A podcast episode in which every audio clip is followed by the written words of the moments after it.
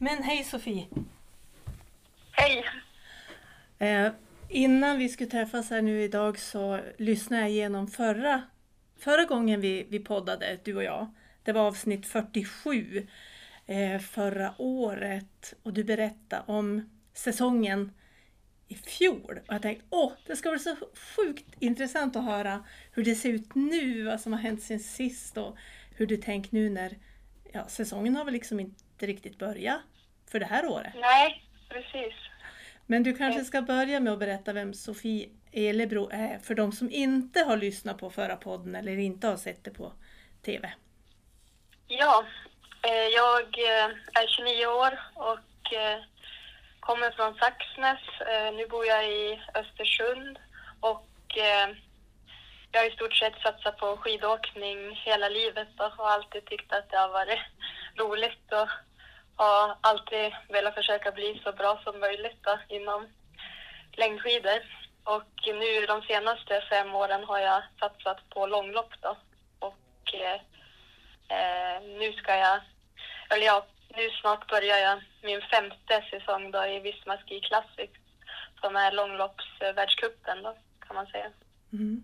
Jag tänkte i fjol så sändes ju alla långlopp av SVT. Eh, och jag vet inte om du har gjort det tidigare? Eh, ja, eh, det var första året i fjol som du säger som det sändes mm. på SVT. Så det känns ju som det har blivit lite större intresse nu för just långlopp eh, för att det är så lätt att se det på TV. Alla har ju SVT. Så. Ja, jag tänkte det. Märktes det liksom efter säsongen i fjol att det var ett annat intresse? Ja, det tycker jag. Att, eh, det var fler som kanske inte har kollat lika mycket som, som kollar nästan på varje lopp. Mm. Men om du ska sammanfatta förra säsongen, hur, hur, hur gick det? Ja, det var lite blandat tycker jag. Det var några ganska höga toppar kan man säga och så några lopp som gick sämre så att man kan säga att det var väldigt varierande men eh, eh Eh, där i eh, början av säsongen i januari så hade jag väldigt jämn form och allting flöt på bra. Så det var väldigt stabilt. Och så sen eh, var det väl lite mer upp och ner där eh, i mitten av säsongen om man säger februari, mars och sen gick det väldigt bra på slutet igen. Som Leistalöpet där i Nordnorge var ju en av mina bästa lopp för säsongen. Så att, eh, när jag blev sexa då, så att det var, det känns ju att får allt att funka så kan det gå riktigt bra. Så, ja. så det gäller ju att få allt att funka då. Ja. ja. Och då åkte du för ett norskt lag, Näringsbanken? Ja, mm. precis, det gjorde jag. Så egentligen har jag åkt för norska team hela tiden, så nu är första säsongen som jag får möjlighet att åka för ett svenskt team då. Vad är den så. stora skillnaden tror du? Eller? Ja, för min del som kommer från Sverige så är det väl att det kan...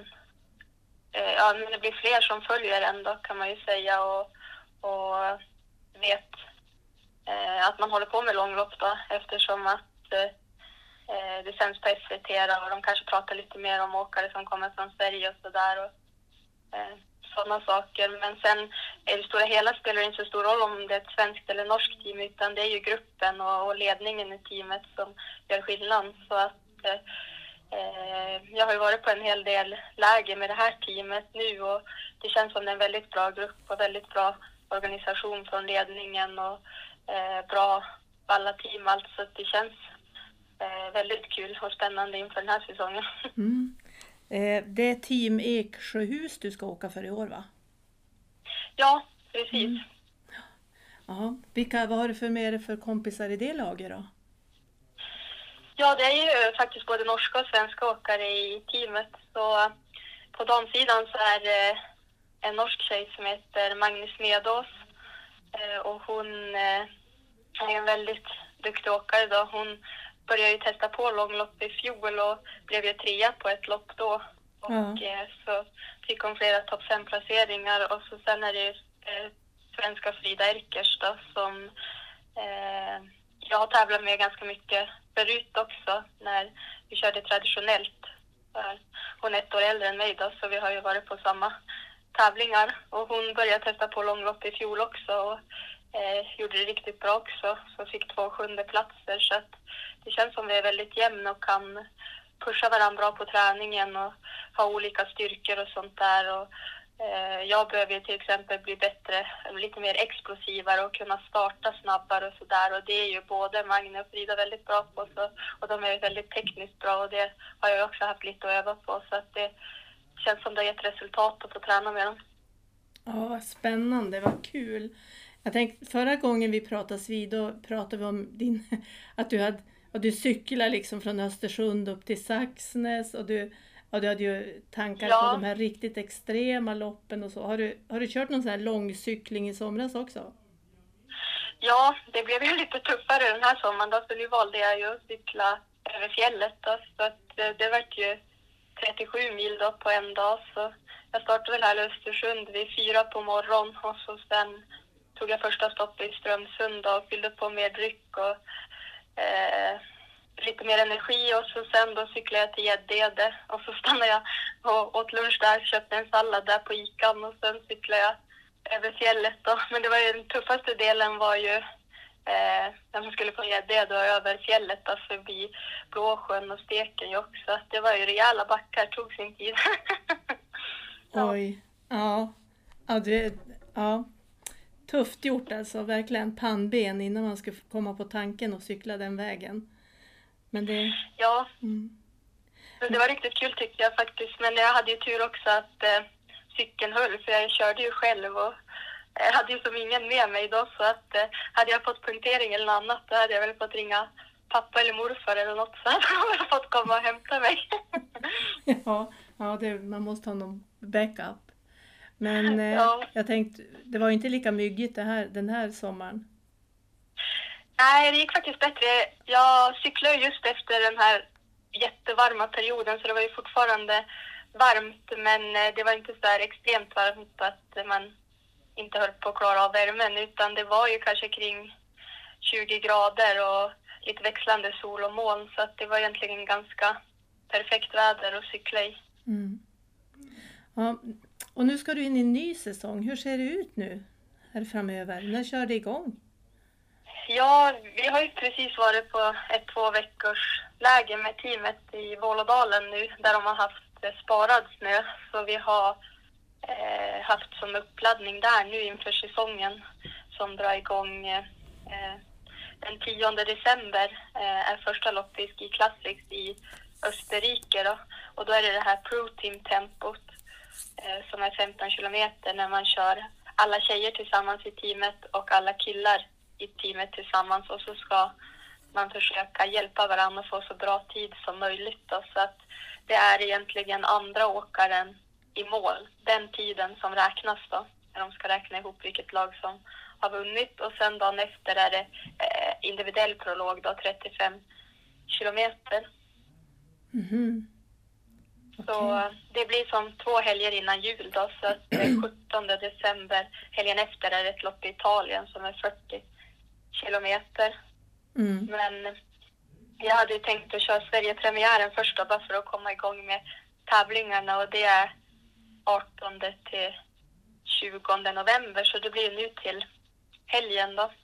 Mm. Det var ju något skid, skidskytte nu i Idre i helgen som gick. Ja, ja, precis. Det var spännande att kolla på. Ja. Det var inte så mycket snö, det var ju konstsnöspår då. Ja, Eller precis, sparad var... snö kanske.